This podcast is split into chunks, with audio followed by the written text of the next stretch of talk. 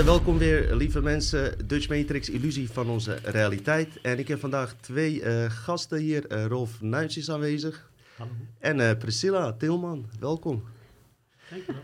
En uh, ik heb al eerder aangekondigd dat Priscilla zou komen. Ik heb in eerdere afleveringen wat over haar verteld natuurlijk. En daar gaan we straks zeker op in hoe ik haar ook heb ontmoet.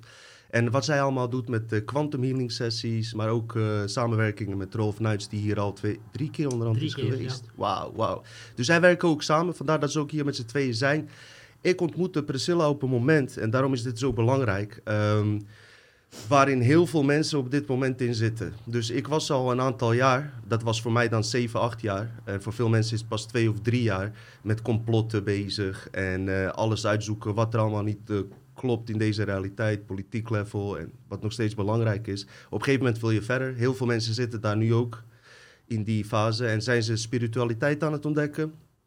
Dat heb ik dus ook gedaan. Um, Uiteraard kom je eerst uh, best wel uh, standaard uh, basic work tegen. Wat je eigenlijk overal hoort. New Age-achtige verhalen. ook spirituele, interessante verhalen. Maar er zijn ook andere um, opties mogelijk, om het zo maar te zeggen. En die hoorde ik vooral van Priscilla. Dus net op het moment dat ik dacht van... hé, hey, ik kom hier voor een les, dat ik dacht dat ik het een beetje begreep... Kwam zij toch met hele nieuwe inzichten, die ik uiteraard hier in deze afleveringen met jullie al heb gedeeld. En daar ben ik haar dankbaar voor. Dankjewel Priscilla daarvoor allereerst. Je vertelde ook toen ik jou tegenkwam en ik zag al op je website, ik heb natuurlijk via Dolores kennen, kennen ben ik bij jou gekomen via Joffrey. Dat is de jongen die bij de eerste drie afleveringen hier was. En die vertelde inderdaad dat hij bij jou een hypnose heeft gehad. En die zei, joh, maar zij vertelde dingen, Dino, zegt hij, daar hebben wij nog nooit van gehoord. En toen ben ik naar jou toegekomen. En uh, vooral ook omdat je les hebt gehad van Dolores Cannon, uh, was ik wel geïnteresseerd ja, hoe de metafysische wereld eruit ziet. Allereerste vraag, hoe ben jij bij Dolores Cannon gekomen ja, eigenlijk? Ja, nou eigenlijk omdat ik van, ja, al heel lang een gevoel heb van heimwee. Dat klinkt misschien gek. Maar als klein kind had ik dat al. Dat ik dacht van ja, waar komt dat vandaan? En begrijp, dat begreep ik natuurlijk niet uh, toen ik zo klein was. En uh, dus op een gegeven moment uh, ja, word je ouder, ben ik me gaan verdiepen in spiritualiteit. Daar werd dat gevoel aangeraakt. Dus ik zocht eigenlijk naar de, ja, de reden daarvan. Kwam ik niet achter, maar ik heb echt heel veel gedaan. Heel veel opleidingen, heel veel cursussen, workshops. Waardoor ik wel besmet raakte met ja, in die, dat, dat wereldje, zeg maar. En uh, al heel lang uh, een praktijk, sinds 2004. En um, op een gegeven moment dacht ik van ja, ik moet, ik moet toch verder zoeken. Hè, dat gevoel. En toen kwam er een boek voorbij van Dolores Cannon, gewoon op internet. Ik was aan het surfen. En, um, en dat was het boek The Three Waves. Dus de voorkaft raakte mij. En, dacht, uh, en dat resoneerde. Ik wist nog niet eens de inhoud. Maar ik, ik voelde wel, ik moet, ik moet dat boek hebben. Dus ik heb het gekocht. Dat was denk ik in 2011. Toen was die net uit. En, um, en de inhoud daarvan, dat, dat was eigenlijk het antwoord van mijn gevoel, van de heimwee. Mm-hmm. En heimwee waar naartoe, dat was, dat was niet ja, aard, zeg maar.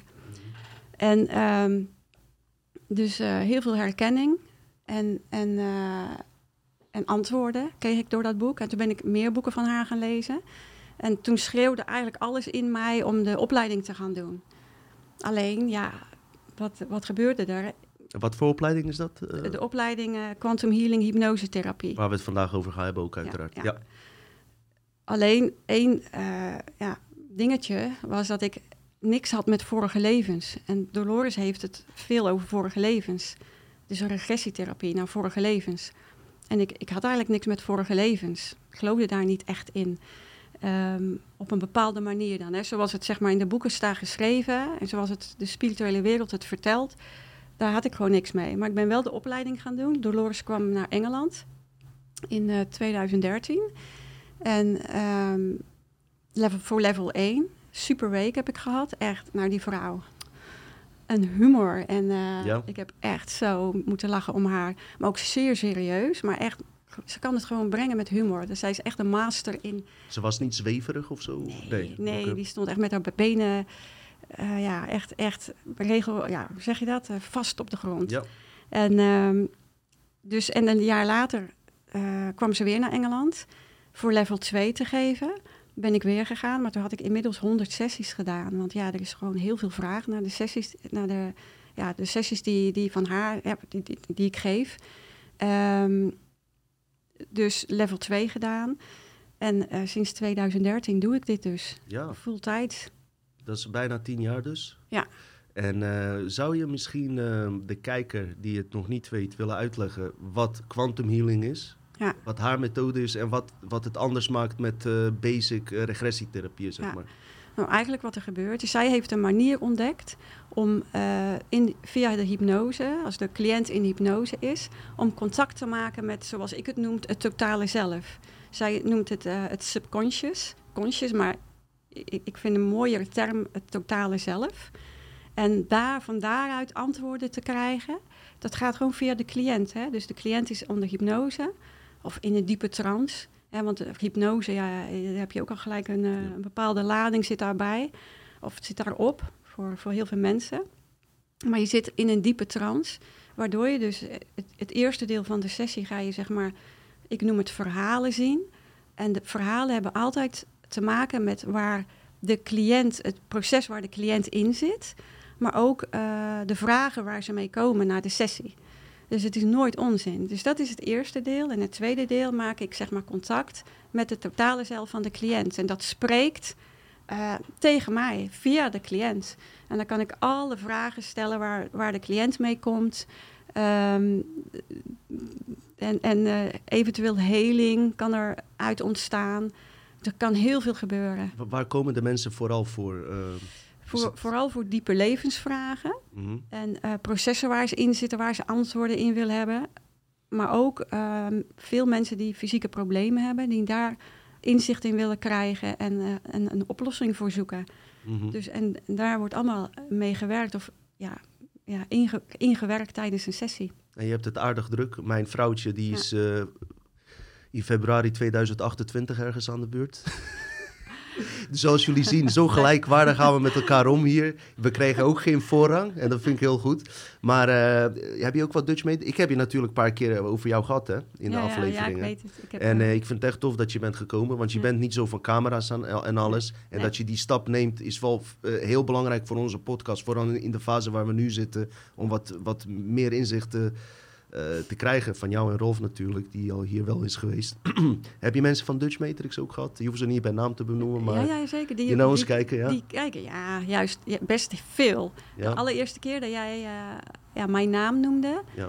Maar je had het aan mij gevraagd, hè? Dus eh, dat heb je, ik, daar ben ik je dankbaar voor dat je Tuurlijk. dat niet zomaar gedaan hebt. Maar ik heb daar wel goed over nagedacht, want ik had het best druk. En eh denk ik, ja, hè, dus doe maar. En eh, toen heb ik, de, de, de maanden daarna, heb ik best wel veel Dutch Matrix mensen gehad. Mhm. En ik vind dat juist heel erg leuk, weet je. Want eh, jij, jij hebt een bepaald publiek.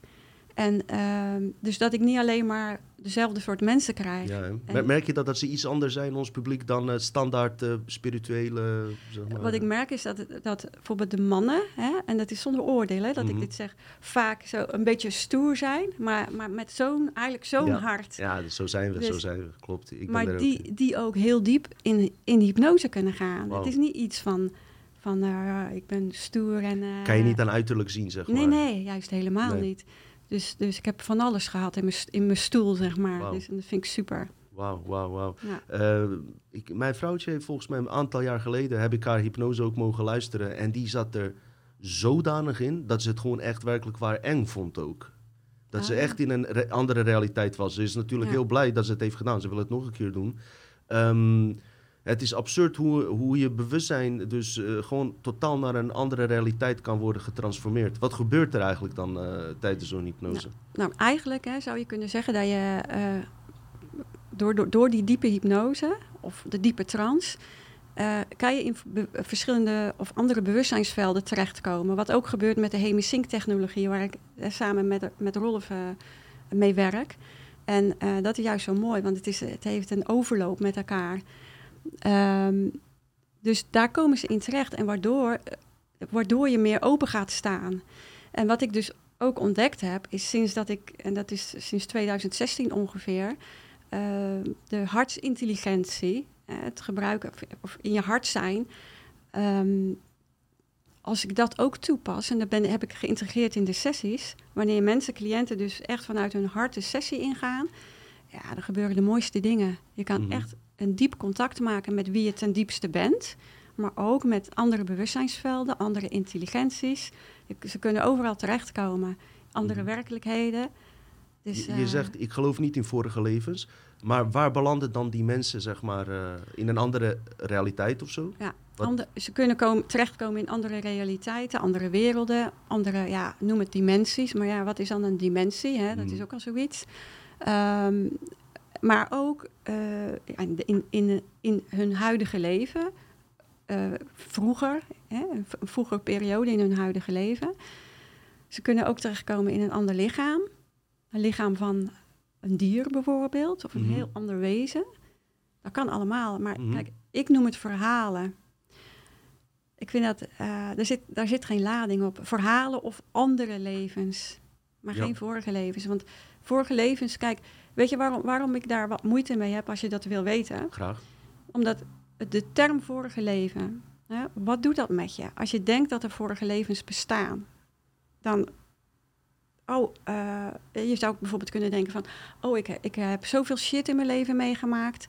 Ik zal in mijn vorige leven wel Hmm. iemand vermoord hebben. Dus gaat gepaard met karma eigenlijk, soort van. Toch? Precies. Ja. Dus, dus wat doet dat met je? Met, Ja. met je kracht? Ja. uh, moet oppassen. opgeven, uit, uitstel Ja, ja. of uh, het leven leiden met lange ei? Ook, maar, maar ook zo van, van nou, ik moet oppassen dat ik niet, eh, geen nie- opnieuw karma Oh, zo, creëer. ja. ja. Want eh, straks eh, moet ik weer terugkomen na Ah. dit leven of zoiets. Dus dat klopt niet. Dus je hoeft alleen, eigenlijk alleen maar te voelen.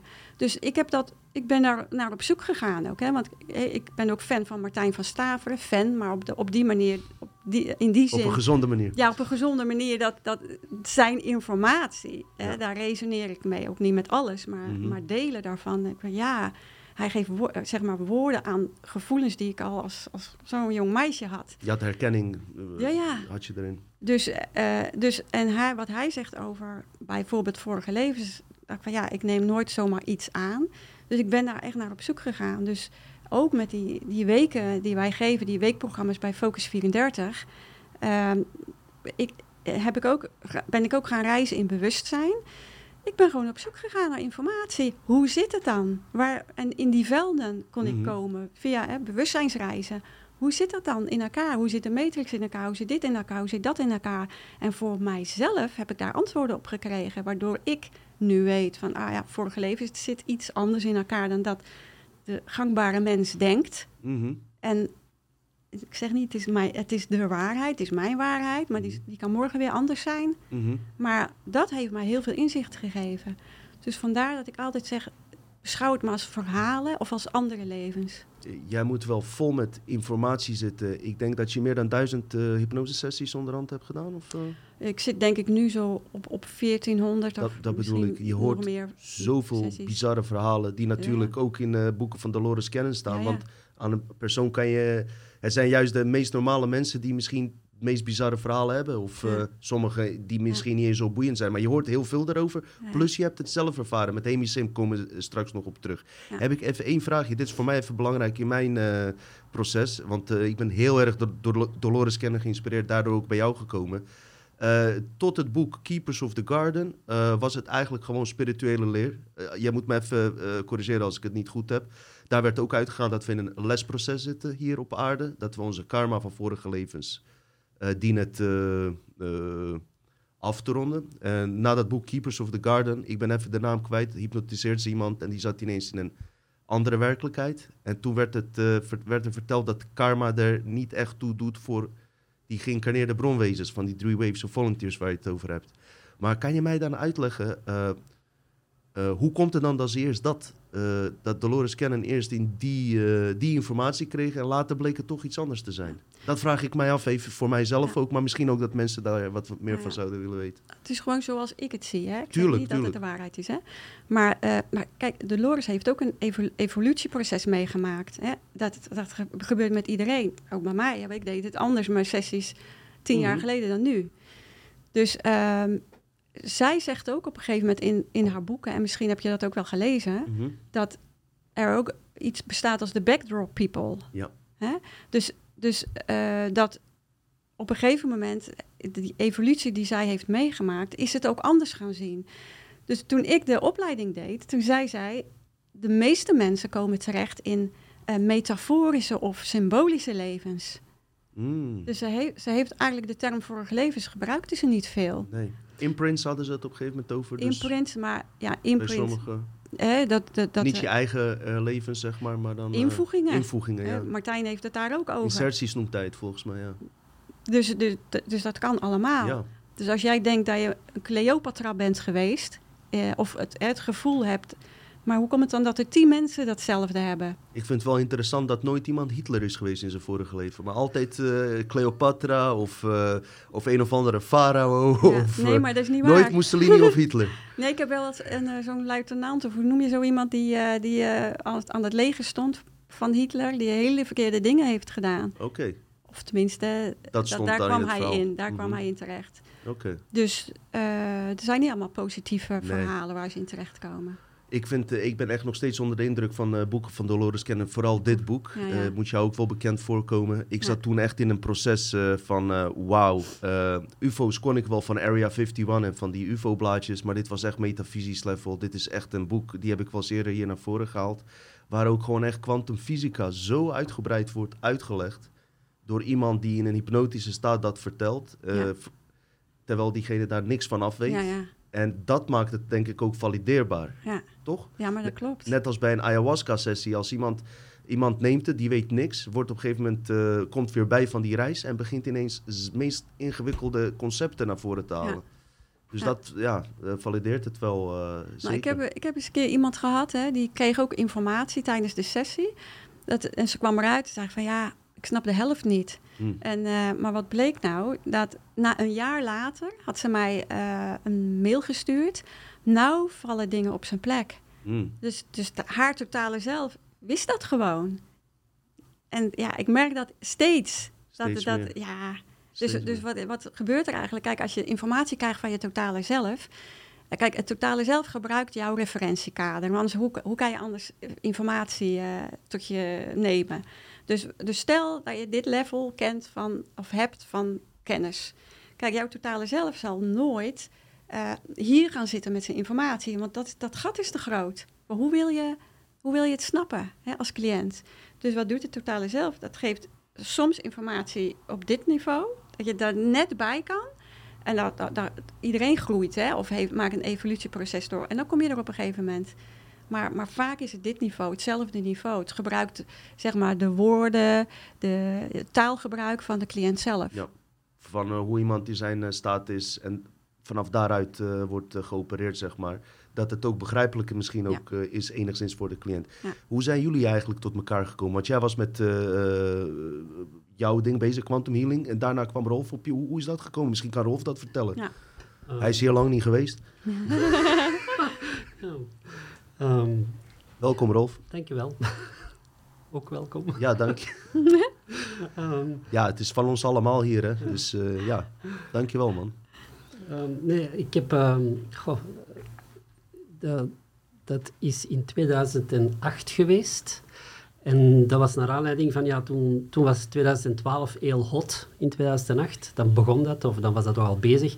Ik, heb toen, ik kwam op een boekje terecht, een klein boekje ehm, over wat gebeurt in 2012. En dat, was gebaseerd halvelings op de ehm, ja, Andes-traditie en, en op rites en, en wat dat die mensen daarvan zeiden van 2012. En dan ben ik zo terechtgekomen bij een, een driedaagse eh, workshop. Eh, dat ging over de Monarchie. Dat waren drie aparte dagen. En dat ging door in Gent, dacht ik, of bij Gent, of Brugge, ergens in, in, in Vlaanderen. En ja, daar was Priscilla ook. En ja, we hebben dan die drie dagen gedaan, eh, met, met, met, met tijd tussen. En dan op het einde van de derde dag zei de, degene die het organiseerde, zei van ja, ehm, er bestaat ook zoiets als het medicijnwiel volgens de Andes-traditie. En dat zijn eh, over een heel jaar gespreid verschillende dagen uh, of weekends en een driedaagse en vierdaagse, uh, die ervoor zorgen dat je er helemaal ingaat en, en volgens de vier windrichtingen en zo verder. En dan, ja, ik dacht bij mezelf, ja, ik ga dat doen. Dus ik heb mij ingeschreven. En tot mijn grote verbazing, wie kwam ik daar tegen? Toeval bestaat niet. Ja, terug Priscilla. En dan hebben we daar, uh, we zijn daar helemaal doorlopen. Uh, dat, was een, dat was trouwens een, een, vrouw uit België die dat organiseerde in België, maar er was een man bij, uh, Avani van Leeuwen, en die uh, paste dat, die paste dat um, echt toe. Die leefde als shaman en die had zelf ook groepen. Nu, na dat eerste weekend of de eerste drie daagse, um, ja, werd er ons verteld van, kijk, we gaan het niet meer samen doen. De mensen die willen, die kunnen bij, bij in België blijven, maar degene die bij zou willen volgen, dat, dat kan ook. En voor mij was het onmiddellijk duidelijk van ja, ik ga het bij Havani volgen, want die man die leefde dat, die, die ging heel diep, die, die, die bracht zaken naar boven dat ik dacht van wow, dat, dat, dat, dat wist ik nog niet, of, of ik had er wel van gehoord. En ook daar, van de hele groep, was er nog één iemand die ook naar Avani blijkbaar ging. Rarara, wie ja. dat? Ja. En dus zo zijn we dan, uh, ja, is het contact uh, ontstaan en hebben we dus, dus, zowel in heel die Andes-traditie het persoonlijk uh, medicijnwiel gevolgd gedurende een jaar, dan heel de healing gevolgd uh, een jaar. Um, en dan, ja, ik ben nog assistent geweest, ik ben dan nog naar Peru geweest en zo verder. maar dat is eigenlijk de, ja. de basis geweest. Want ja. ik denk dat jullie ook dan wat deed jij toen al die uh, Monroe Instituut? Nee, nee. Oh, nog niet toen. Nee. Dus Monroe kwam later. Zijn jullie daar samen in, in, uh, in gekomen? Of was jij dat, nee, deed jij dat um, eerst? Op een gegeven moment is er, is er, uh, hebben we ook een tijdje geen contact gehad na, na, na die periode. Um, en ik was toen met Monroe bezig. Allee, voor mij was het ik, ik, wat ik in de Andes heb meegemaakt, in de Andes-traditie tegenkwam, had ik voordien, uh, mijn eerste contact met, met Hemisync Monroe Instituut was 2002, okay. had ik diezelfde bewustzijnsgebieden uh, ja, al, al, al, al verkend, uh, gedeeltelijk. En ik stond eigenlijk op, op, op het punt van, ja, ga ik dat volgens de Andes-traditie ook hier bij ons introduceren of is er een andere manier? Mhm. Mm -hmm. En dan heb ik in 2012 beslist om het via ja, Hemisync en de Monroe uh, programma's hier te brengen, omdat dat veel meer aansloot bij onze ja, ja. realiteit en het westerse referentiekader. Duidelijk, duidelijk. En Priscilla, jij vertelde me weer dat jij juist gefascineerd was dat heel veel dingen van je quantum healing, die informatie die je had en kennis, uh, overeenkwam ook weer met uh, hetgeen wat er op sloot met Monroe Instituut. Ja. Kan je daar wat over vertellen? Ja. Nou, eigenlijk, hè, wat, wat die hypnose doet, waar ik mee werk, is dat mensen dus in dezelfde bewustzijnstaten komen als, als, als we Hemisync gebruiken tijdens Mm. die programmaweken en de weekends. En dat is dus die ja, mooie overlapping. Dus eigenlijk ben ik voortdurend met die, in die zit ik in die energie. Mhm. Hoe heerlijk is dat? Ja, eh, vooral ook als je het zelf hebt verkend en zo Ja, ja. en zelf hebt meegemaakt. Ja. Want uh, dus, dat hebben we nog niet gezegd. Dus ik ben dan in 2012 uh, uh, opleiding gaan volgen en in 2013 een eerste weekend gegeven en toen had ik jou gecontacteerd terug. En toen, je hebt dat mee georganiseerd, mijn allereerste weekend met Hemisync. En daarna uh, heb ik nog meer weekends gedaan en op een gegeven moment ook de opleiding in Amerika gevolgd om de weekprogramma's te geven. En dan hadden ze mij daar gezegd van ja, het is best dat je iemand hebt op wie je kan vertrouwen, die jou mee bijstaat als je dat voor grotere groepen doet. En dan heb ik dat ook aan Priscilla Mm. gevraagd. Ja. Mm. En dan, zo is het eigenlijk. En dat, nu spreken we over 2008, 9 zo? Of, Uh, uh, of later? Nee, wacht even, 2012, dus 2013 het eerste weekend en dan in 2016 16, ja. hebben we de eerste weken gegeven. Ja. Ja. Uh, vanaf 2012, er zijn Maya-voorspellingen, er zijn andere uh, theorieën erover. Maar blijkbaar is, is er toen ook toch wel een soort van... Uh, zijn er wat openingen gekomen in bewustzijn, in wakker worden. Later hadden we die gele hesjes, kwamen wat meer mensen. En nu is die COVID geweest. Hoe, Hmm. Priscilla, van jou weten we het ongeveer. Maar herken je jezelf een beetje in terug in mensen die nu ontwaken, zeg maar? Het proces en alles? En stuur je ze daar een beetje bij aan als ze dat vragen tijdens die sessies? Ja, ja. Ja, want weet je, het is eigenlijk zo dat ik... Uh, iemand is een hele dag bij mij. En uh, ik heb een voorgesprek, daar starten we natuurlijk mee. En, dan, en daarna komt het, het hypnosedeel, zeg maar. Maar in dat voorgesprek ja, vragen mensen mij, ja, stellen me veel vragen. Of, of hè, ik kan, daar ben ik soms drie uur mee bezig. En Mhm. daar komt heel veel informatie, eh, kan er naar boven komen. Soms zeggen mensen al van, ja, ik moet de sessie nog doen, maar ik ben al helemaal eh, oké met wat er nu al is gebeurd. En niet, ik vertel gewoon van mijn belevenis, wat ervaringen. En daar waaruit uit heel veel in- inzichten kan komen.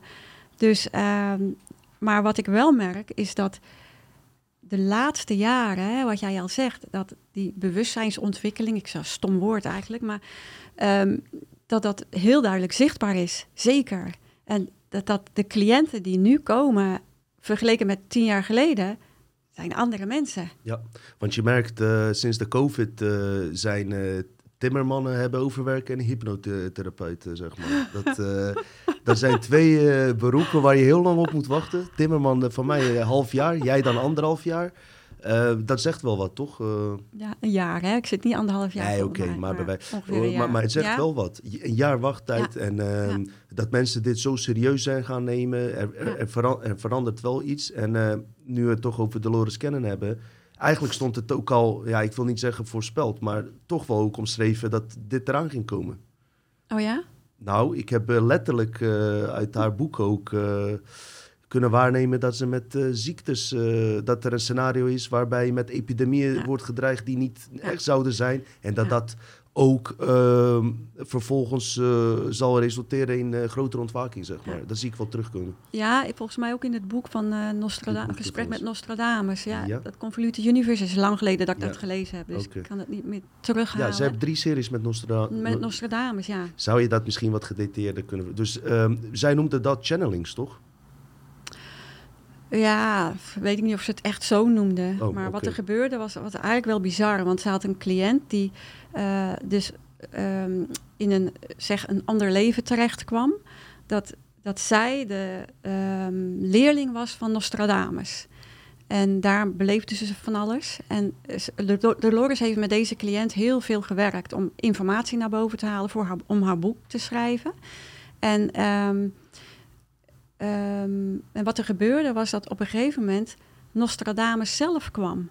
Dus via die cliënt van Dolores eh, sprak Nostradamus rechtstreeks met Dolores. Terwijl hij daar in, wanneer was het, 16 of 1800 zat. En hij regelrecht met, met, met, met sprak. Ehm, en wat, waarom nam hij contact met haar op? Omdat de kwatrijnen, dus die voorspellingen van hem, op een hele verkeerde manier zijn geïnterpreteerd in onze tijd. En daar wilde hij eigenlijk wat aan doen. Hmm. Dus hij wilde haar informatie geven via die cliënt.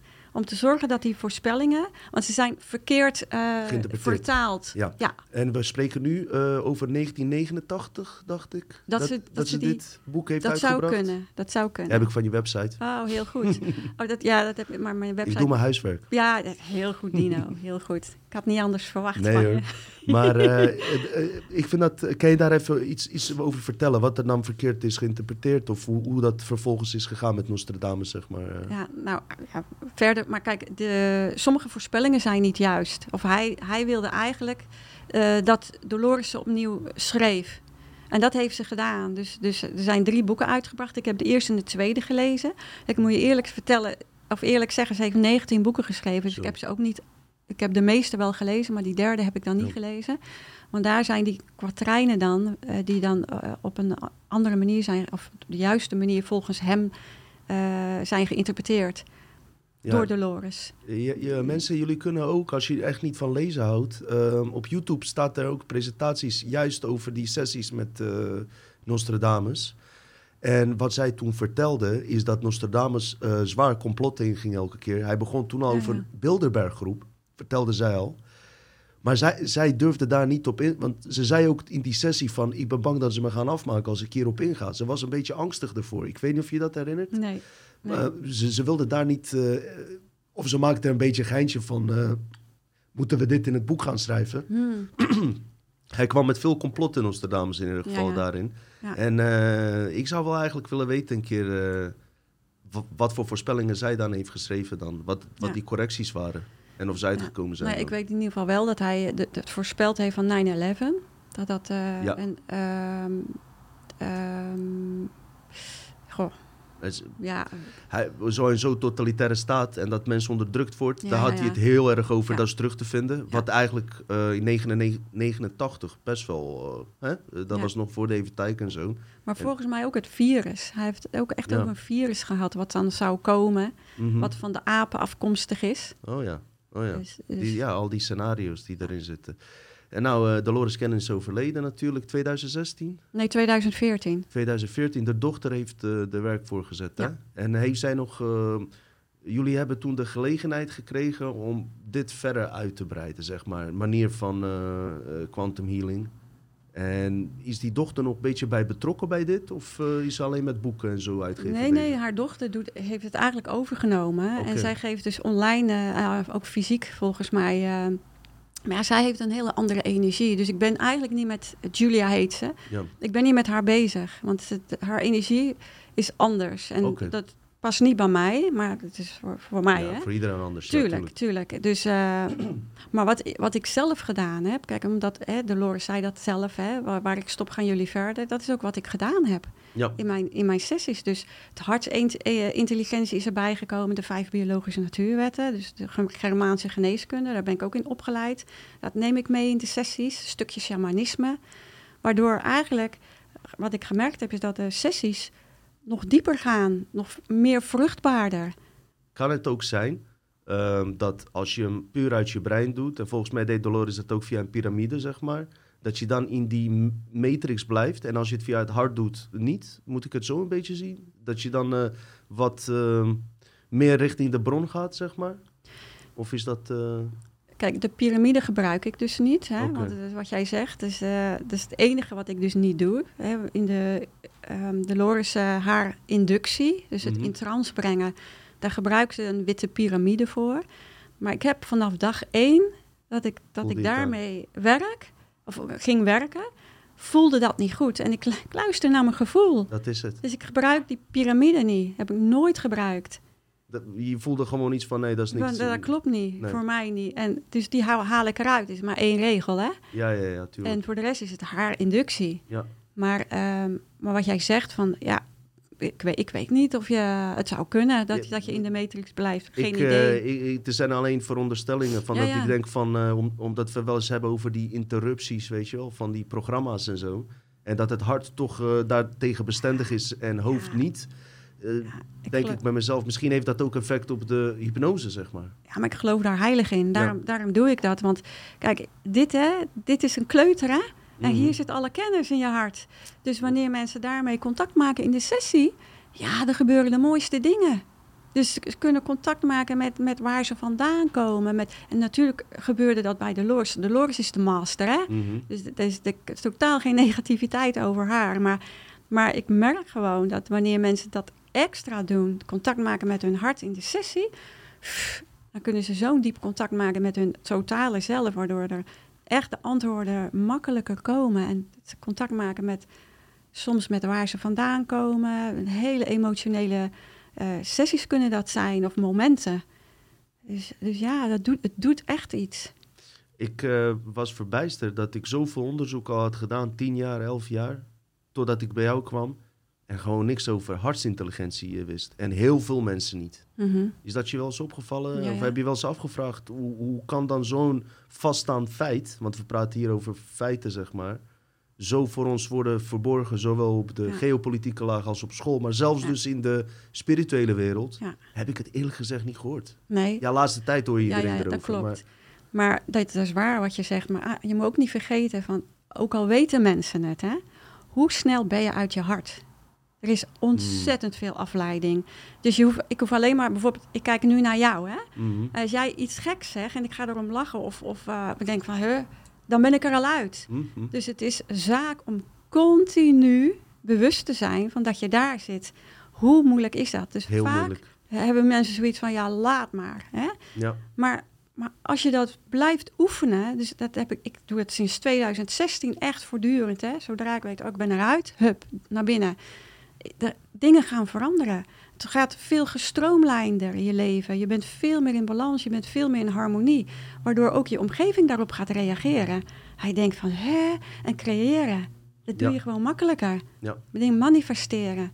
Dus vandaar, die, die, dat hart is zo belangrijk om daar te zijn. Plus je kan makkelijker contact maken met wie je ten diepste bent. En makkelijker contact maken met, als je het zo wil noemen, je familie.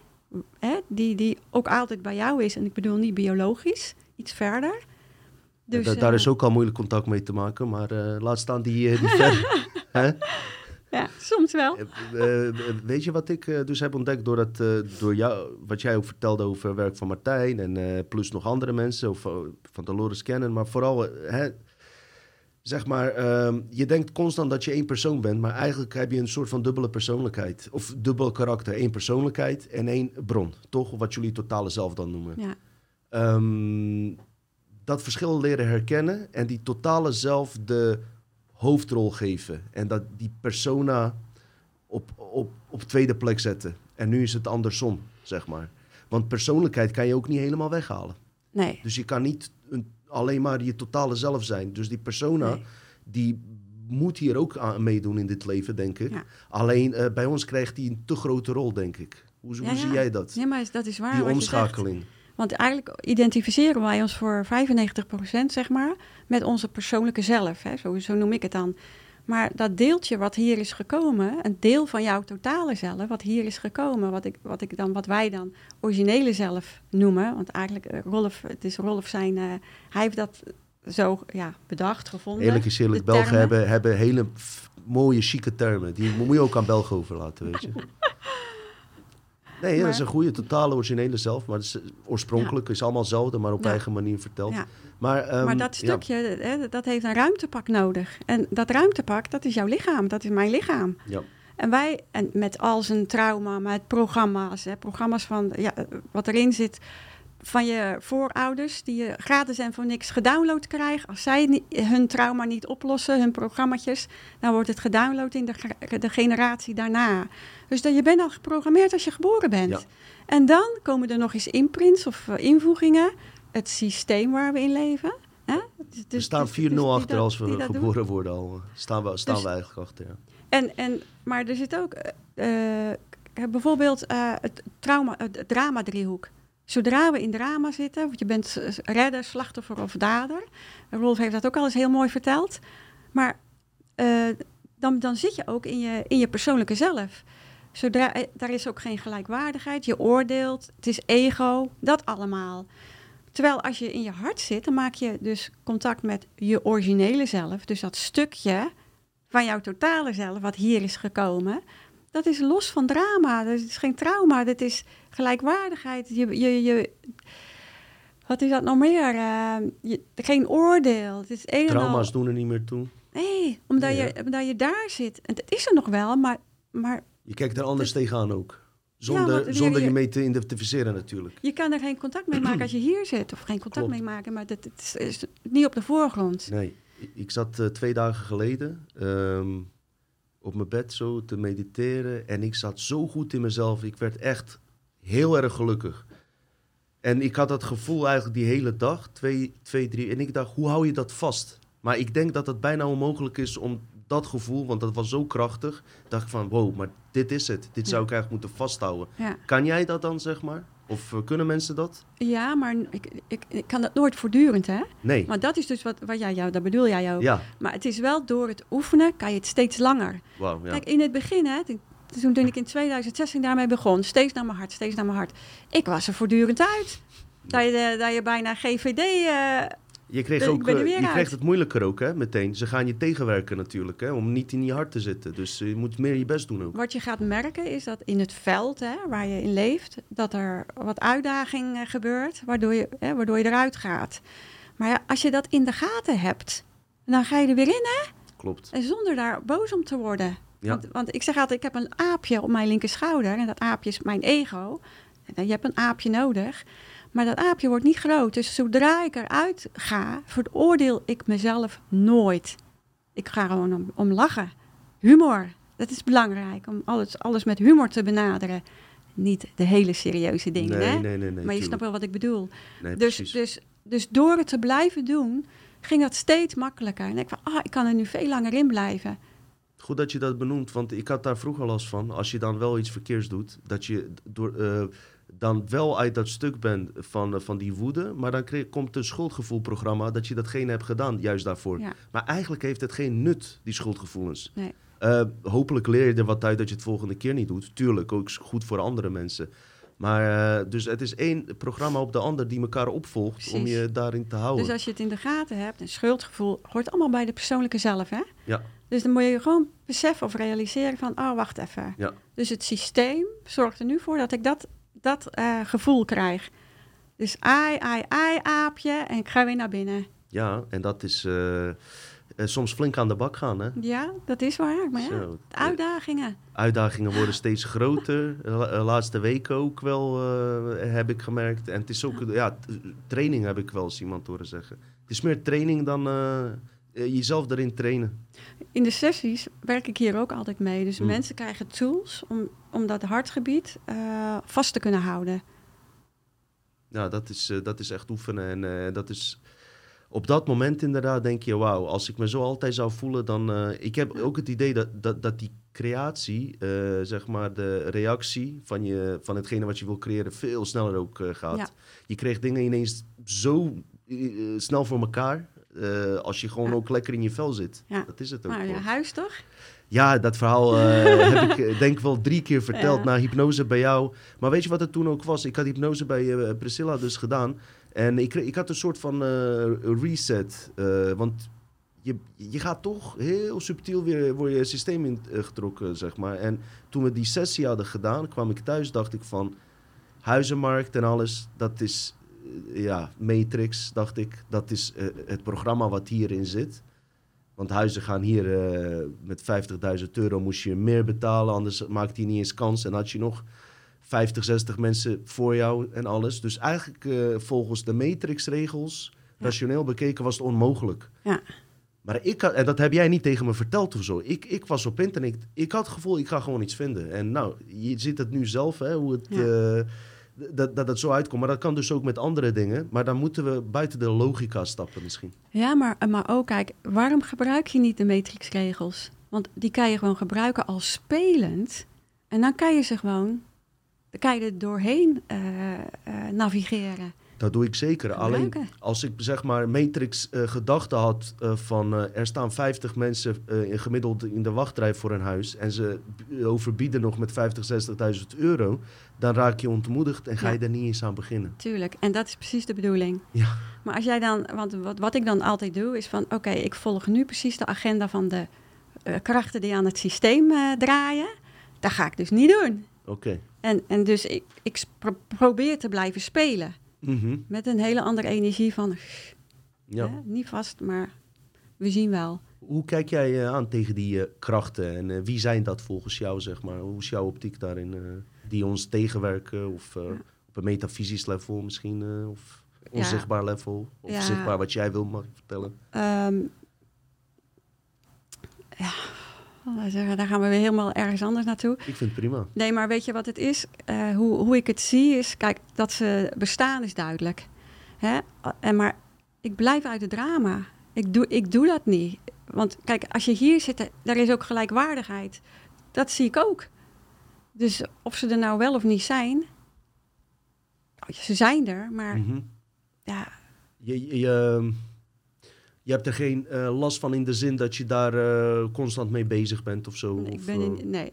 Ik zie het hè, om me heen, ik ben me ervan bewust. Maar ik probeer juist uit dat ja, veld te blijven van verdorie en, en Ja. frustratie en drama dus. Precies. Ja. Want dan, dan, Hebben daar mensen veel last van, merk je dat? Ja, ja. Dat ze zich slachtoffer voelen van het systeem en zo? Ja, ja, heel veel. En dat, die bij mij komen ook. Ja. Of die, waar, die, die echt kwaad zijn. En, en verdorie, eh, krijgen dit niet voor elkaar en dat niet voor elkaar. Maar zodra ik ze erop wijs, zo van hoe het dan eigenlijk zit. En dat, en dat drama-driehoek gebruik ik ook altijd. Ja, of je voelt je slachtoffer of dader of redder. Dan ben je met het systeem bezig. Mhm. Dus wat het systeem niet kan of niet wil, is dat jij hier zit, dat je in je kracht bent. Ja. En, dan, en van daaruit je, je ding doet. Dat wordt heel subtiel, eh, subtiel aangepakt, hè? Altijd. Ja, Voor je het weet zit je erin. Het is niet zo dat het zich meteen laat zien. ja maar je Zes bent... scènes die elkaar opvolgen en voor je het weet, eh, hè? Ja. oh, ik ben er. En Ik denk dat het gewoon het belangrijkste is dat mensen eh, dat eh, kunnen inzien. Ook al maken ze die fout inderdaad, dat, eh, dat ze weer terug kunnen naar zichzelf. Ik denk dat dat het belangrijkste is wat we geleerd hebben afgelopen jaren. Maar je bent ook niet te lezen. Als je hier zit, als je van, van naar binnen gaat, ben je niet te lezen. Dat is het. Onvoorspelbaar hè, natuurlijk. Ook. Niet, niet algoritmisch, zeg het eens Rolf. Maar misschien ook, eh, want je zegt ja, als mensen fout zitten, dat ze terug naar binnen gaan. Maar je ziet, je ziet niet fout, hè? Je ziet niet fout. Ik bedoel, je, je zit in deze realiteit. Hm. Je bent hier. Dat je naar binnen gaat, dan, dan maak je terug contact met dat origineel zelf, met dat oorspronkelijk stukje van je totale zelf, dat weet waarom dat je hier bent. Dat is één stukje. Maar het is ook natuurlijk de bedoeling dat je dat persoonlijke zelf leeft. Ja. Je ziet niet fout als je daarin zit. Want eh, ik hoor dikwijls mensen van, ah ja, maar ja, eh, ik, wil de, eh, ik wil de harmonie en de eenheid beleven en de universele liefde. En, daar kom je van. Hm. Je bent hier juist om, om, Ja. om het andere stuk Ja. ook te kunnen ervaren. Dat is het. Dus, maar, maar vergeet nooit, en dat is iets, als je enkel aan je persoonlijke zelf vasthoudt, ja, dan zit je vast. Als je beseft en terug die connectie kan maken met origineel zelf en totale zelf via je hart, dan weet je dat je niet vastzit. En dan kom je uit die slachtofferrol, en dan kan je flowen en dan kan je, zoals dat jij zegt, spelen met de regels van de Matrix. Ja. Ik heb er wel zo ook gezegd, eh, wat is er mis met spelen in de Matrix? Eh, want we merken natuurlijk mensen die afgelopen 20, 30 jaar zwaar spiritualiteit in zijn gegaan.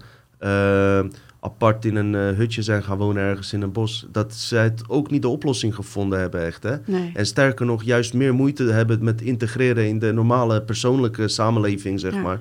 En ja, dat balans daarin vinden. eh, Nu, Ja. Als je dat leuk vindt om, om in een hutje te gaan zitten in het bos of op een berg te mediteren, dat kan heel louterend zijn, dat kan heel zuiver zijn, dat kan heel... En als je dat voelt dat je dat moet doen, doe dat alsjeblieft. Maar het is ook de bedoeling dat je hier bent. Precies, precies. En een soort van schakelen. eh, ja, het is eigenlijk co- coherentie, eh, balans tussen je brein en je hart. En ja, dat brein is je persoonlijkheid, maar laat het dan aangestuurd worden door dat hart. Ja, precies. En eh, doorhebben wanneer je in het systeem zit, oh shit, ik zat fout, geen schuldgevoel. Hm. Ik ga niet janken daarom. Wat ik wel, waar ik wel dan zou zeggen is van, probeer het volgende keer niet te doen. Want anders ga je het weer elke keer je persoonlijkheid schuld geven. Toch? Dat je dan, eh, eh, eh, hoe moet ik dat zeggen? Stel je voor, ik flik iemand wat. Mhm. En dat ik daarna denk van, ja, maar dat is mijn persoonlijkheid. En Ja, ja, dat doe je het volgende keer weer.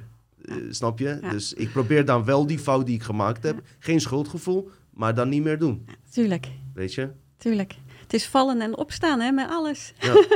maar ik, ik moet wel zeggen, je hebt een hele mooie uitzending over het hart gemaakt, hè? Ja, dankjewel. Dat heb je tegen mijn schoonmoeder ook gezegd, hè? Oh, Ah ja, ja. Weet niet of je mocht zeggen. Ja, wel. Ja. Hoe heet het? Eh, ja, die, die vertelde het. Eh, Anderhalf ja, jaar ja, je had haar aangeraden om die te kijken. Door jou is mijn schoonmoeder naar Dutch Matrix gaan kijken. Echt? nee. Ik wou zeggen. nee eh, ik heb, mijn schoonmoeder is echt verrassend genoeg de laatste jaren echt met deze thema's. Ook natuurlijk omdat ze bij jou is geweest, staat heel open voor deze dingen. Ja. Ik denk dat ze ook wel zal kijken en groet aan mijn schoonfamilie. Laat ik dat ook een keer zeggen. Ja, die aflevering komt eigenlijk door de kennis die ik van jou had, die ik later Ja. van Martijn hoorde. Toen ben ik die HeartMath Instituut, eh, zeg maar, Mm. eh, Ja. eh, gaan kijken. En toen dacht ik gewoon, wauw, ik zie hier gewoon, eh, eh, gewoon echt mensen die niet op een spiritueel, spirituele manier bezig zijn, maar op een wetenschappelijke en Mm. toepasbare manier, zonder uh, geitenwolle sok of zo, eh, hun ding doen. Wat Mhm. eigenlijk Monroe Instituut ook is, vind ik. Ik vind het ook helemaal niet zweverig of zo. Dus, het wordt op een technische manier uitgelegd. En eh, van Greg Braden natuurlijk eh, vind ik ook een hele mo- mooie gast om eh, te zien. Als ik bepaalde stukken van David Icke dan heb gekeken... of wat zwaardere complotafleveringen... vind ik Greg Braden wel een mooie afwisseling. Ja. Weet je? En die heeft het ook over dat hart... en ook over dat hart met het instituut. Ja. Dus eh, ja, ik vind het geweldig me- met wat ze doen. En het zou mooi zijn als de, de kinderen al van kleins af aan ja, dat besef geven. Dat zou prachtig zijn. Zeker. Ja, ja, zeker. Ik wilde nog even wat vragen aan je. Dit is mijn persoonlijk onderzoek. Dit is een boek van Dolores Cannon. gaat eh, puur over de ontvoeringen. Kan je hem herinneren dat je hem nog Ja, hebt ja, gelezen? ik heb hem gelezen, ja. Ja, weet je wat mijn vraag is? Is heel simpel. Ik heb hem niet helemaal gelezen. Mhm. Maar ehm, wat, een paar stukken die ik heb gelezen, die ontvoeringen eh, v- worden hier verklaard, en je moet me corrigeren als ik het fout heb, van dat dat in levenscontracten staat en dat dat eh, zeg maar eh, eh, met goede bedoelingen van, de, eh, van die wezens is, dat dat gebeurt, Ja. eh, zeg maar. Hoe, Ja. hoe zie jij dat? eh?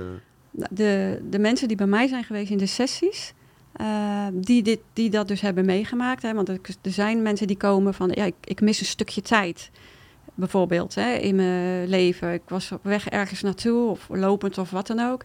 En opeens een half uur later of een uur later kom ik, kom ik aan, maar ik mis die, die tussenfase. Wat is er gebeurd? Eh, 50 kilometer verderop ben ik Precies, ineens. Ja. precies. En eh, daar gaan we wel eens terug naartoe in de sessie. Eh, dan blijkt het dus hè, bij verschillende dat ze dus contact hebben gehad met, met andere intelligenties. Dat is nooit prettig geweest. Dat Mhm. is dus mijn ervaring. En nooit prettig, niet zwaar, maar dat ze daar dus. Empathieloos? Ja, ja, zeker. Zeker. Ehm, en eh, vaak zijn ze dan ook ergens in een, ja, noem het een ruimteschip. Eh, ik heb geen ander woord anders ervoor. Maar dat is zo zoals zij het dan benoemen. Ehm, maar wat nooit prettig is geweest. Oké. Dus wat ik denk is dat, dat eh, nou ja, dat is mijn denken.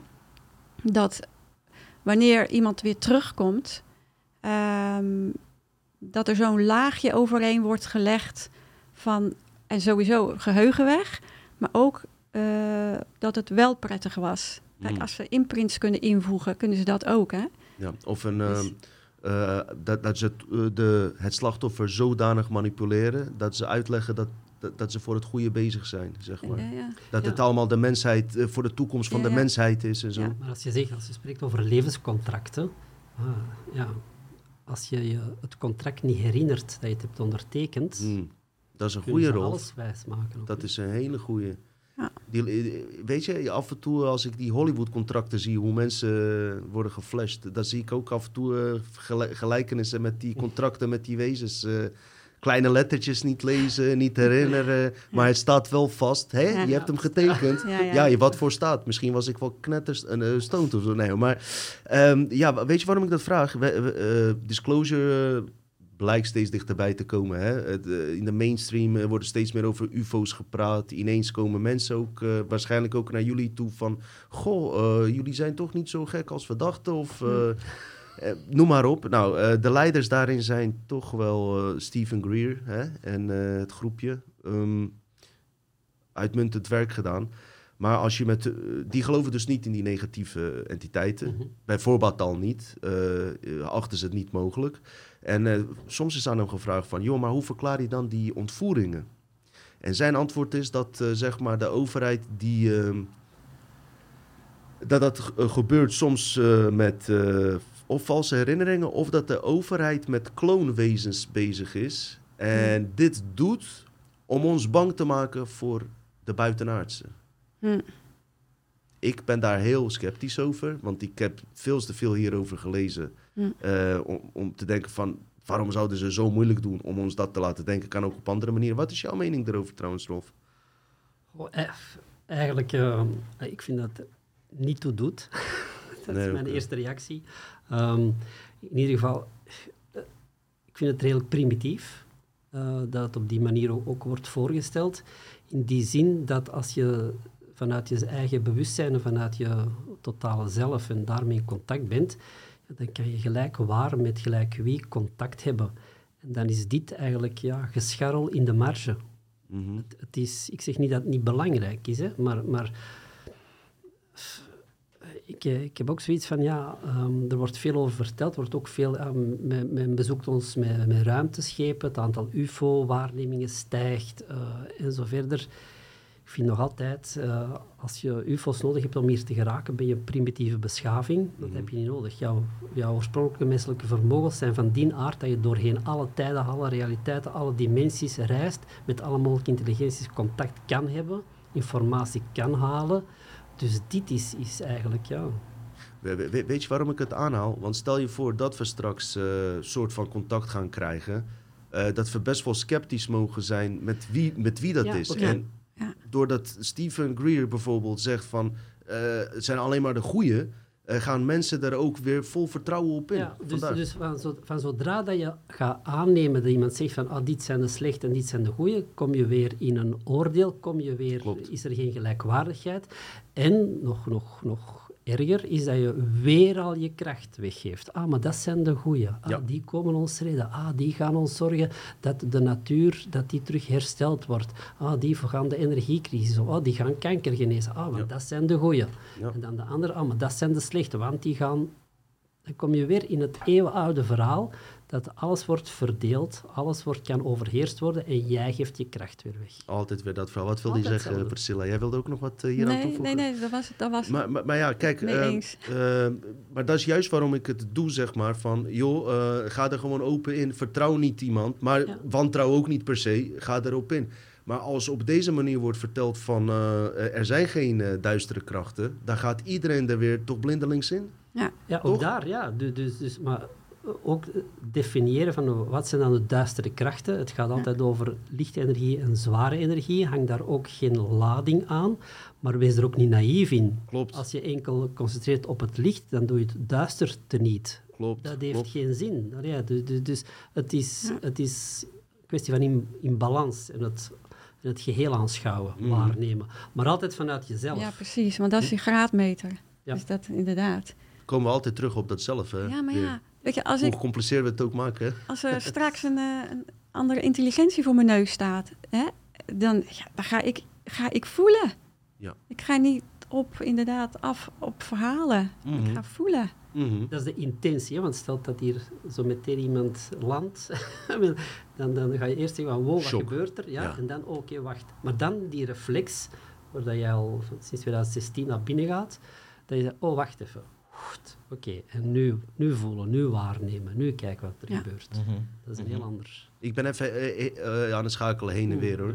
Wat eh, van Dolores kennen, om, omdat je het ook vooral hè, over, eh, over haar graag wilde hebben. En misschien wil je nog wat aan toevoegen. Wat, wat mij dus opviel, is dat eh, ehm, zodra je hiermee bezig gaat, ook met dat metafysische laag, eh, begint het veld om je heen steeds beter te reageren. En te, syn- eh, die synchronisatie, zeg maar, komen eh, steeds meer en meer voor dat je denkt van, maar nee, wacht even. Zelfs als je rationeel denkt, dit, dit is geen toeval meer, Mhm. snap je? Ja. En ik heb bijvoorbeeld gehad, eh, kijk ik naar een documentaire op de televisie over dit soort zaken. En dan heb ik die documentaire bekeken, had ik nog een aantal vragen. Hm. Lees ik het boek van Dolores Cannon, wat totaal niet, dacht ik, daarover ging. Nou, in de eerste twee bladzijden is die vraag die ik had, die worden beantwoord. Ja. Dat ik nog steeds... eh, Ja. Dat is zo absurd. Maar ik denk juist die reactie uit dat veld, dat, dat mensen dat ook motiveert om dit serieus, voor serieus aan, aan te nemen. Omdat je er zelf letterlijk zelf deel uitmaakt van het spel. En niet degene bent die luistert naar wat iemand anders meemaakt. Ja. Snap je nee, wat maar, ik bedoel? maar dat, helemaal, ja, tuurlijk. Ja, Ik snap heel goed wat je bedoelt. En wat ik nou zo mooi vind is, dus zeg maar, iedere keer als ik iets had onderzocht en een in- nieuw inzicht eh, kreeg, hè, bijvoorbeeld over vorige levens, over de matrix, ik heb en buitenlichamelijk of met mijn bewustzijn reizen, op zoek naar antwoorden.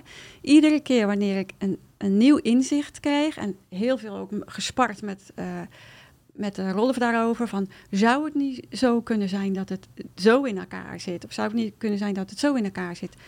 Wat gebeurt er? Binnen 1, 2 weken komt er een cliënt bij mij. En de totale zelf van die cliënt geeft mij het antwoord. Zonder dat ik erom vraag. Hè? Dus het totale zelf van mij, van de cliënten, die elkaar ook al lang kennen, die weten dat. ongelooflijk. Dus je krijgt gewoon antwoorden. Ik noem het eh, de, de natuurlijke algoritmes. Want eh, ze zeggen toch eh, sinds de COVID dat mensen complotten in zijn gegaan... omdat er elke keer eh, via algoritmes een andere video tevoorschijn komt... en dan mensen zo een vals beeld van een werkelijkheid krijgen. Ja. Maar dit beschouw ik dus als soort van natuurlijke algoritmes. Dus ik ben ergens met mijn gedachten bezig. Ik ben één ding aan het onderzoeken. Ja. En ik kreeg het gewoon via een ander kanaal zo voorgeschoteld. Net als Ja. op YouTube. Kijk eens ook naar deze video, weet je wel? Maar kijk, wan- wanneer jij zeg maar in genieten zit, in zo'n energie, Ja, en dan komt het, dan weet je dat het klopt. ja, Of je zit hier in je hart, dan komt het dan weet je dat het klopt. Zit je in, in, in je hoofd en je bent heel erg bezig uh, met andere energieën vanuit de persoonlijke zelf. En er komt zoiets, ja, dan moet je even afvragen van klopt het? Mhm. Naar binnen en je weet het. Een ander voorbeeld, uh, backdrop people had je het net natuurlijk Ja. over. Ehm, ik eh, werk met Simon samen en, eh, en elke keer als ik weer iets nieuws lees, ik ontdek die backdrop people, wat wij NPC's noemen, non-playable characters. Mhm. Ik wist niet, toen bijvoorbeeld niet wat NPC's waren. Dus ik zeg tegen Simon, eh, ja, backdrop people, echt bizar verhaal. Want dat schijnen dan biologische robots te zijn die een ander eh, historie hebben dan de geïncarneerde bronwezens. Simon zegt, hé, maar dat is toch NPC? Ik zeg, wat is NPC? Hij zegt, ja, maar dat is een heel ding in Amerika nu. Eh, dat eh, gamers opgevallen is dat sommige mensen zich gedragen als de eh, figuranten uit hun computergames. Dat ze heel veel overeenstemming hebben en dat daar onderzoeken op zijn gedaan. Ja. Ja, en dat gaat, eh, weet je, zo, zo met elkaar eh, gepaard samen en alles. Als we daar toch even zijn. Je begon met eh, het boek Three Waves of Volunteers van eh, Dolores Ja. Cannon. Ik vind het, zou je misschien wat over dat boek kunnen vertellen? En misschien zouden we ook eh, de kijker ook daarmee kunnen uitleggen wat het verschil is tussen, zeg maar, een...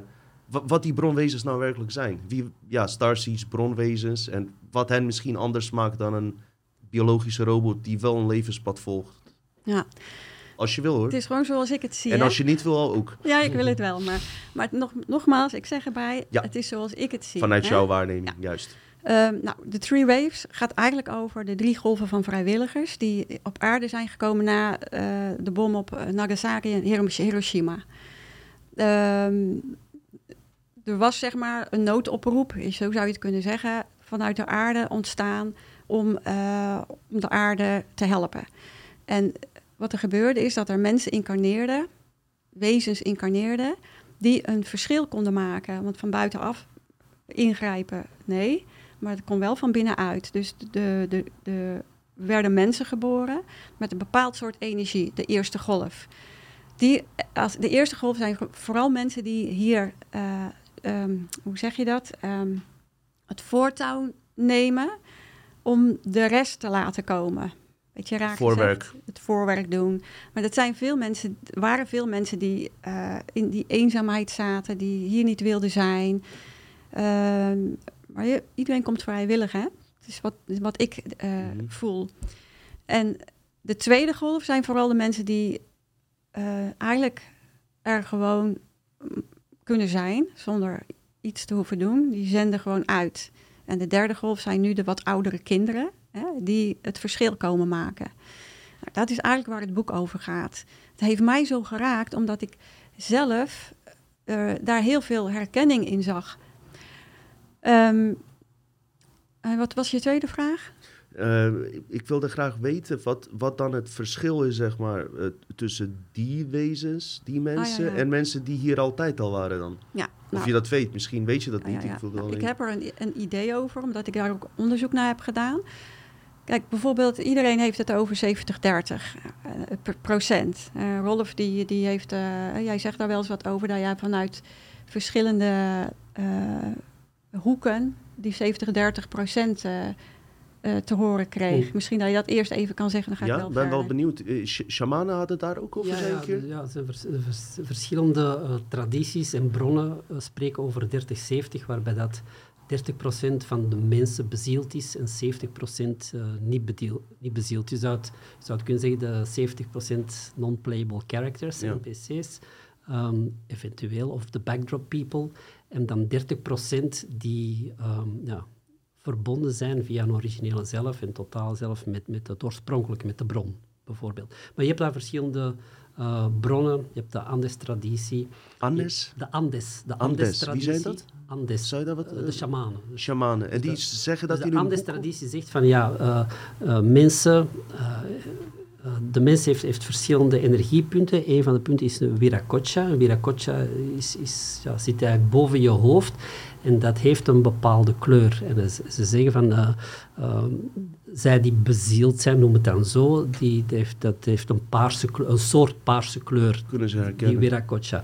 En dat, dat zien ze bij 30% van de mensen en bij 70% niet.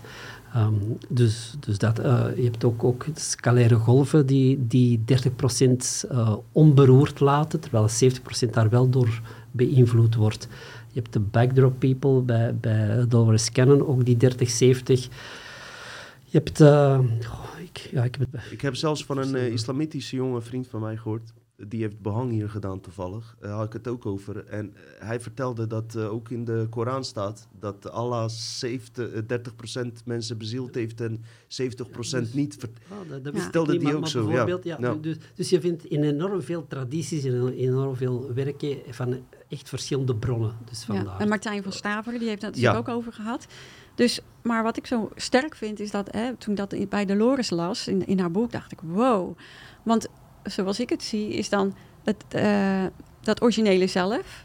Dat, dat is niet bij iedereen. Dat, dat, dat originele zelf, dat stukje van jouw totale zelf, een ruimtepakje nodig heeft. Zoals die drie golven.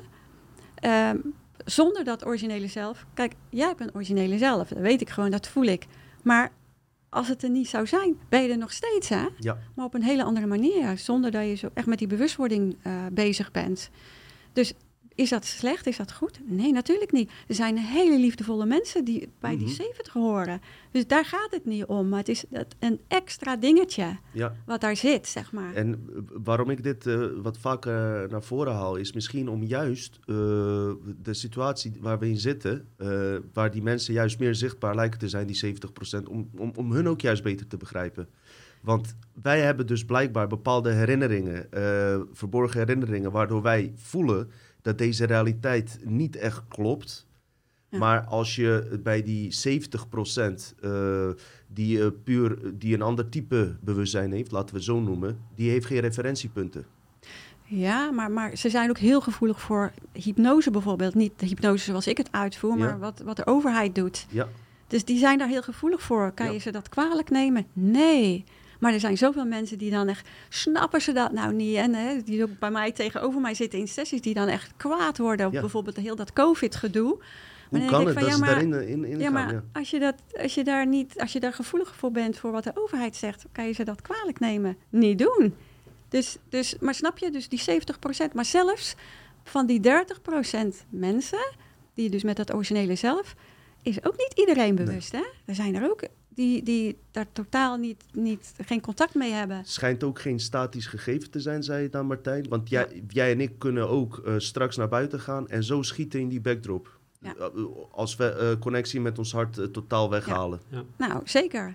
En omgekeerd ook. En omgekeerd kunnen zij zich ook wakker maken. 70% kan je ook aan, die kan ook aangezet worden. Dus, dus, Maar ik denk als mensen zeg maar, uh, hier kennis van meer zouden hebben, dat je zeg maar denkt van oké, die, die persoon, uh, oh, hij is irritant, ze trappen erin, ze geloven wat de overheid zegt. Maar als jij het uh, biologische verhaal erachter weet, kan je het voor jezelf beter plaatsen om er beter mee om te gaan. Ja, je kan het beter plaatsen om de gelijkwaardigheid te behouden. Juist, juist. Dat, dat je niet goed dat je dat zegt, ja. Dat is... En dat maak je juist mens om te zeggen van, joh, uh, robot of niet, uh, gelijk. Want uiteindelijk komt het uit één universum en...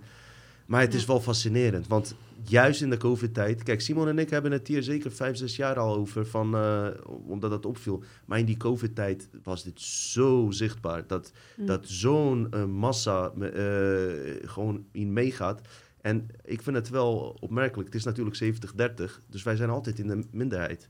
Je bent altijd raar. Als er gestemd moet worden, die 70% wij gaan het nooit winnen, ook niet met stemmen. Dus die 70% is zo programmeerbaar dat ze gewoon al, al, al die agenda's kunnen worden uitgevoerd. Tenzij, zeg maar. Ja, maar wacht even, want ik ben het niet helemaal mee eens. Want moet, je, moet je voorstellen dat die 70% helemaal hier aanwezig zijn. Ja. En dat zij hun ding doen en, ze, en wat stralen ze uit?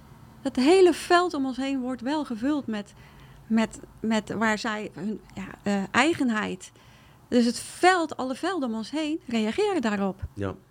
Dus dan, dan heb je die, dat, uh, die, die, die, die overgang. Wat gaat er dan gebeuren in het veld? Ze noemen het de matrix. Mm -hmm. En dat is st steeds meer aan het komen. Ja. Uh, ik uh, heb het nu, uh, ik, weet, ik weet denk ik waar je heen wil, want als je kijkt over de regels, matrixregels, hè, um, bijvoorbeeld met stemmen, heb je gewoon, als ze al eerlijk gaan, de meerderheid wint. Als je het over kosmische regels hebt, maken die percentages niet uit. Wil je daar een beetje Ja, mee heen ook? Dus dat, Allicht. ondanks dat we met z'n 30% zijn, kunnen we zoveel uitvoeren. Dat is buiten die eh Beatrix-regels om.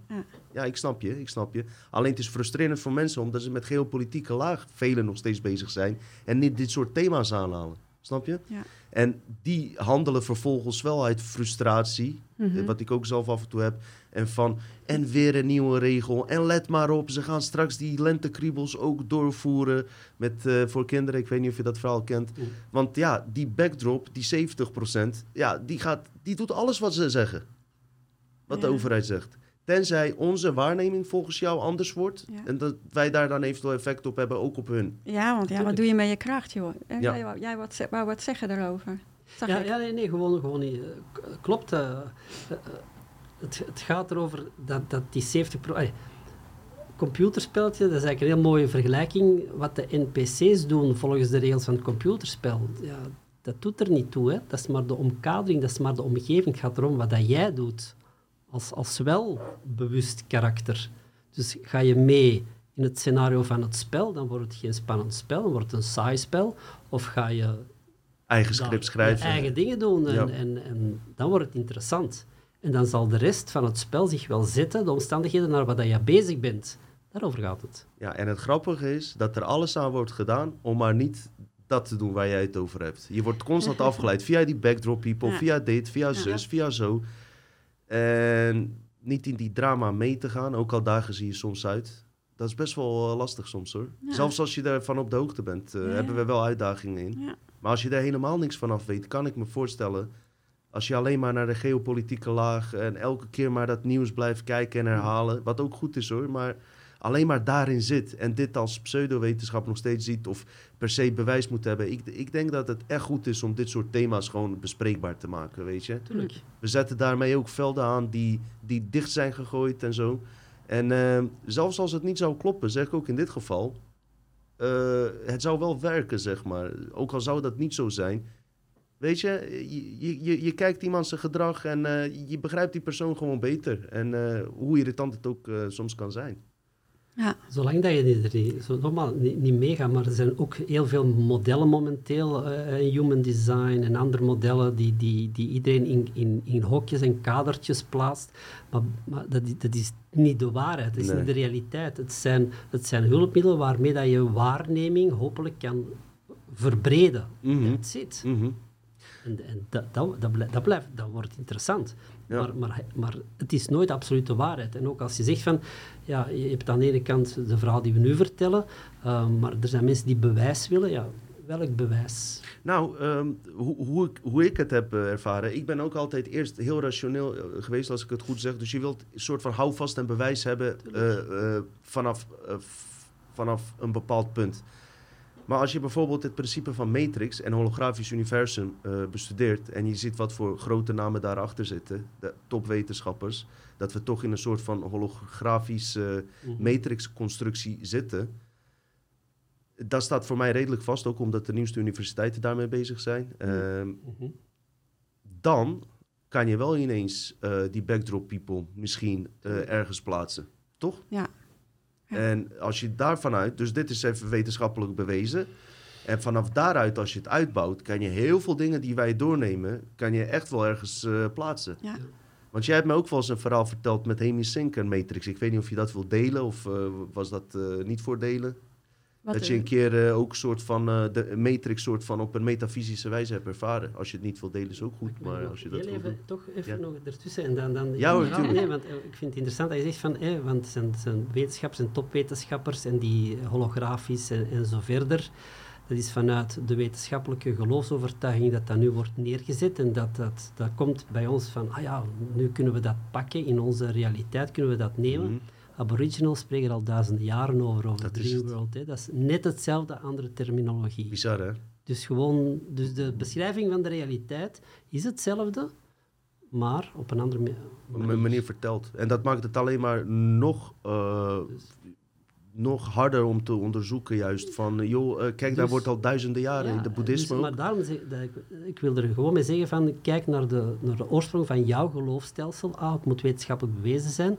Dat is ook maar één soort beschrijving Mhm. van de realiteit. Er zijn er al duizenden geweest. Die Ja. allemaal op hetzelfde, dikwijls op hetzelfde neerkomen. Maar goed, Hoe konden ze dat weten toen? Hè? Dat is weer een andere vraag. Ja, Ja. Dat maakt het. Eh, je vertelde mij ooit iets. eh, hoe, hoe ervaar jij, hoe zie jij het eh, matrix-principe in het algemeen? En eventueel, misschien kan jij uit e- eigen ervaring wat vertellen. Hoe, hoe je deze werkelijkheid ervaart zelf eigenlijk. constructie en alles. Ja, nou eigenlijk, hè, als ik ga reizen met Hemi Sink, ehm, er zijn altijd begeleiders bij mij, delen van mijn totale zelf, zijn gewoon aspecten van mijn totale zelf.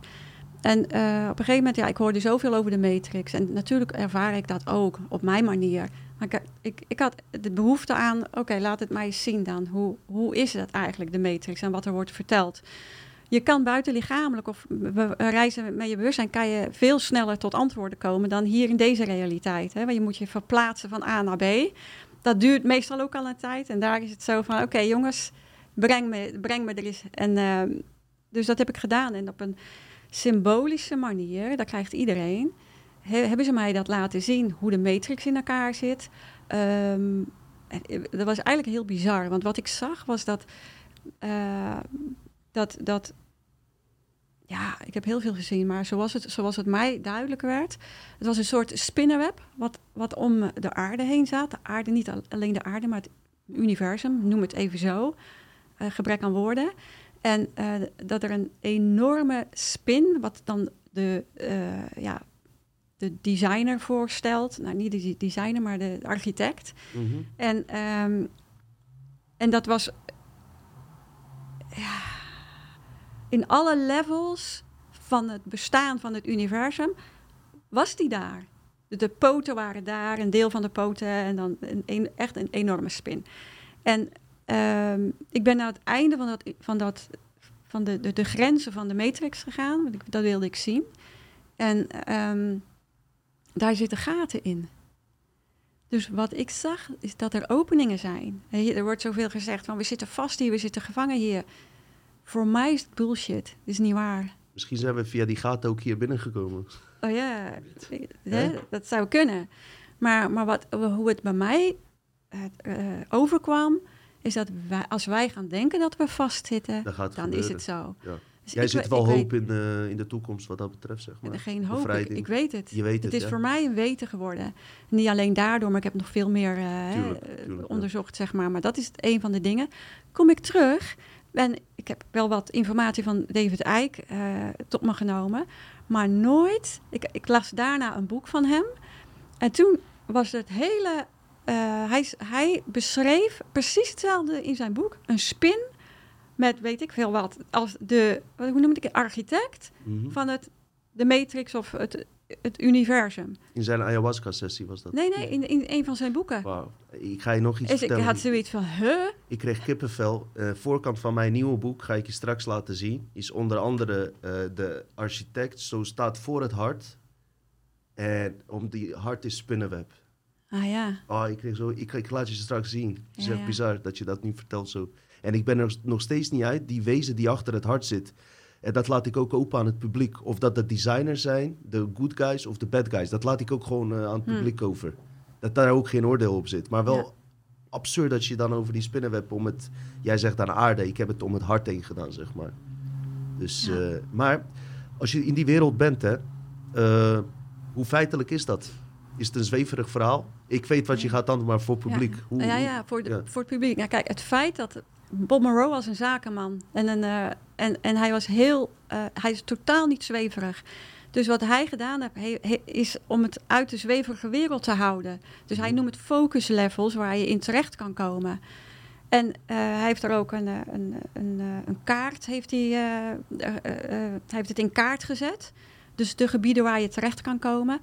Op, op een hele wetenschappelijke manier. Of hoe noem jij dat, eh, Rolf? Het is toch wetenschappelijk? Ja, een neutrale manier. eh, Ja. met- ja. Dus totaal niet zweverig juist. En zoals ik het heb ervaren, is, kijk, nogmaals, iedereen krijgt symbolische eh, informatie. Hè? Dus wat voor mij een rood rondje is, buitenlichamelijk, is voor jou misschien een blauw vierkantje. Maar, maar je krijgt wel dezelfde informatie. Dus maar het is totaal niet zweverig. Het is eigenlijk uh, de, het meest um, normale, voor mij, manier van communiceren. Mm. Ook met intelligenties en de informatie die je krijgt uit die velden. Normaler dan hier deze werkelijkheid. Mm. Ik vind dit niet normaal hoor. Nee. Deze wereld en wat er om ons heen gebeurt. En hoe, Nee, hoe wij contact hebben, de verbindingen. Dus ja, het is maar hoe je het ziet. Maar, uh, maar superleuk om te doen. En zeggen mensen wel eens van ja, maar is dat niet eng? Nee, als je hier bent in je kracht. Want, want ben je hier uit je kracht in deze realiteit, dat kan ook al eng Ik, zijn, ik hè? denk dat deze realiteit de meest enge realiteit is die er is. En we zijn bang voor... Betere realiteiten zijn we dan bang Ah, voor. ja. Een soort, eh, hoe heet die... eh, eh, als iemand ontvoerd wordt, uh, Stockholm-syndroom hebben. Een soort van aar- aardesyndroom van eh, dat we De denken dat dit... kidnapper Ja, beginnen, ja, ja, hè? Zo, zoiets is het wel. Ja. Maar voor jou eh, persoonlijk onderzoek is dat natuurlijk ook. Dus je leest Dolores kennen, eh, het raakt je. Op een gegeven moment wil je het zelf ervaren. En Ja. dan ervaar je zelf die dingen die je hebt gelezen. En ik denk dat dat, wat Rolf ook in alle drie af- afleveringen heeft gezegd. Je moet het voor- vooral zelf ervaren, anders blijft het een aanname van iemand anders. Ja. Ik heb het op mijn manier gedaan, jij weet daarvan. Eh, jullie doen het op die manier en wie weet hoe ik het in de toekomst... doe. Gewoon voor jezelf om, te, om zelf te ervaren van... oh, dan staat het echt vast. Toch? Nou, ja. Ik- Het staat nooit vast, hè? Dus, dus dat het überhaupt bestaat. Hè? Ja, ja. Dus ik heb het niet over complete ah, waarheid. Maar dat er een andere werkelijkheid, behalve, behalve deze, bestaat. Of dat de ware werkelijkheid is of niet. Gaat het? niet. Neem even een slokje water, joh. Eh, ja, ga ik doen. Nemen jullie het maar over. Hoe heet het? eh, wat wilde ik er nog aan toevoegen? Eh, op, op, op die manier dus ervaar je dingen door te lezen, door te beleven en alles. En ehm, hoe zie jij deze situatie bijvoorbeeld uh, komende twee, drie jaar? En uh, ik zeg niet dat je een voorspelling moet doen of wat dan ook, maar uh, zijn er... Wat zouden wij als mensheid moeten doen? Of heb je ideeën daarover om deze realiteit een beetje een wat positievere lading te geven, zeg maar? Uit de angst. Uit de angst. Uit de angst. En hoe doe je dat? Dat is natuurlijk heel lastig, hè? Maar door zelf op zoek te gaan of dingen. Kijk, waar, waar heb je angst voor? Nee, hè?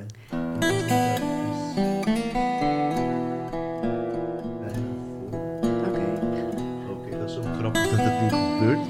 Uh, Oké, okay, uh, als die ik, ik hou hem een beetje in de gaten. Ja, we hadden het over angst. Ja, ja. ja ga maar verder dus, hoor. Ik hou hem wel in de gaten.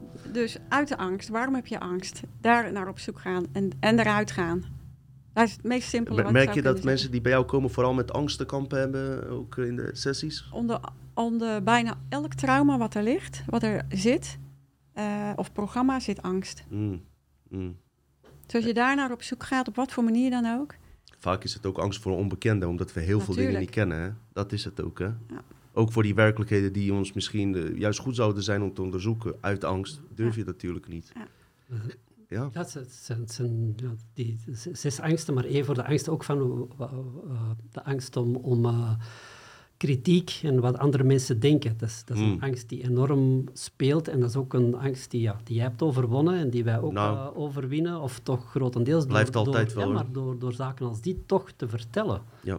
Want van, oei, wat gaat de buurt denken? Oei, wat gaat de familie denken? Oei. Dat is het altijd. Dus Wat, wat, wat zal een ander denken? angsten. En als we allemaal zo denken, dan komt er ook Komt natuurlijk geen eh, vooruitgang. En wie weet dat eh, misschien volgende generatie of andere mensen geïnspireerd worden van... oh ja, weet je, het wordt nu wat meer in het veld gegooid, wordt wat meer geaccepteerd. Dat dat breder wordt aangepakt. Maar ja, dat is een kwestie van afwachten. Mensen, ik ben eigenlijk door mijn dingen heen die ik wilde vragen. Wilden jullie nog wat delen? Hebben jullie nog misschien iets eh, wat jullie zelf eh, wilden delen? Of je praktijk heb je niet verteld. Praktijk Azura. Eh, anderhalf jaar wachttijd. Ja, maar, maar het is wel zo dat ik eh, begonnen ben, drie jaar geleden ongeveer, kwam, kwam er steeds de vraag van eh, mensen, van cliënten, maar ook van therapeuten. Ik zou dat ook willen kunnen doen, wat jij doet. En kan je me opleiden? Dus toen had ik daar geen behoefte aan. Maar twee jaar geleden ben ik daar serieus over gaan nadenken, omdat de vraag kwam en bleef komen. En is heel goed met de Rolf daarover gehad. Van eh, hè, wat, wat, uh, wat ga ik doen? Mhm. En uh, dus heel goed gaan voelen. En, en, toen had ik zoiets van, ja, waarom ook niet? Het ging kriebelen. Ik denk, waarom zou ik dat niet doen? En in, inmiddels is, is het veel meer dan QHT wat ik doe. Dus alles wat ik daar, daarin meeneem in een sessie, dat zou ik wel willen doorgeven, zodat er gewoon meer mensen komen die hetzelfde kunnen. Want stel je voor dat ik er over eh, vijf jaar of zo mee stop, dat zou wel heel zonde zijn. Ja. En, ehm, maar wat ik ook wilde was dat mensen, dus deelnemers, konden ervaren hoe het is om te gaan reizen in bewustzijn. Want dat doen potentiële cliënten. Hoe, hoe ga je dat doen? Toen, toen ik de opleiding bij Dolores deed, eh, ben je eigenlijk in de diepe gegooid. Wat voor mij heel goed is geweest, want ik ben gewoon gaan onderzoeken. Maar als jij een cliënt gaat begeleiden, je bent zelf nooit eh, daar geweest in die velden. Hoe ga je, ga je daarmee om? Hoe kan je een cliënt begeleiden? Mhm.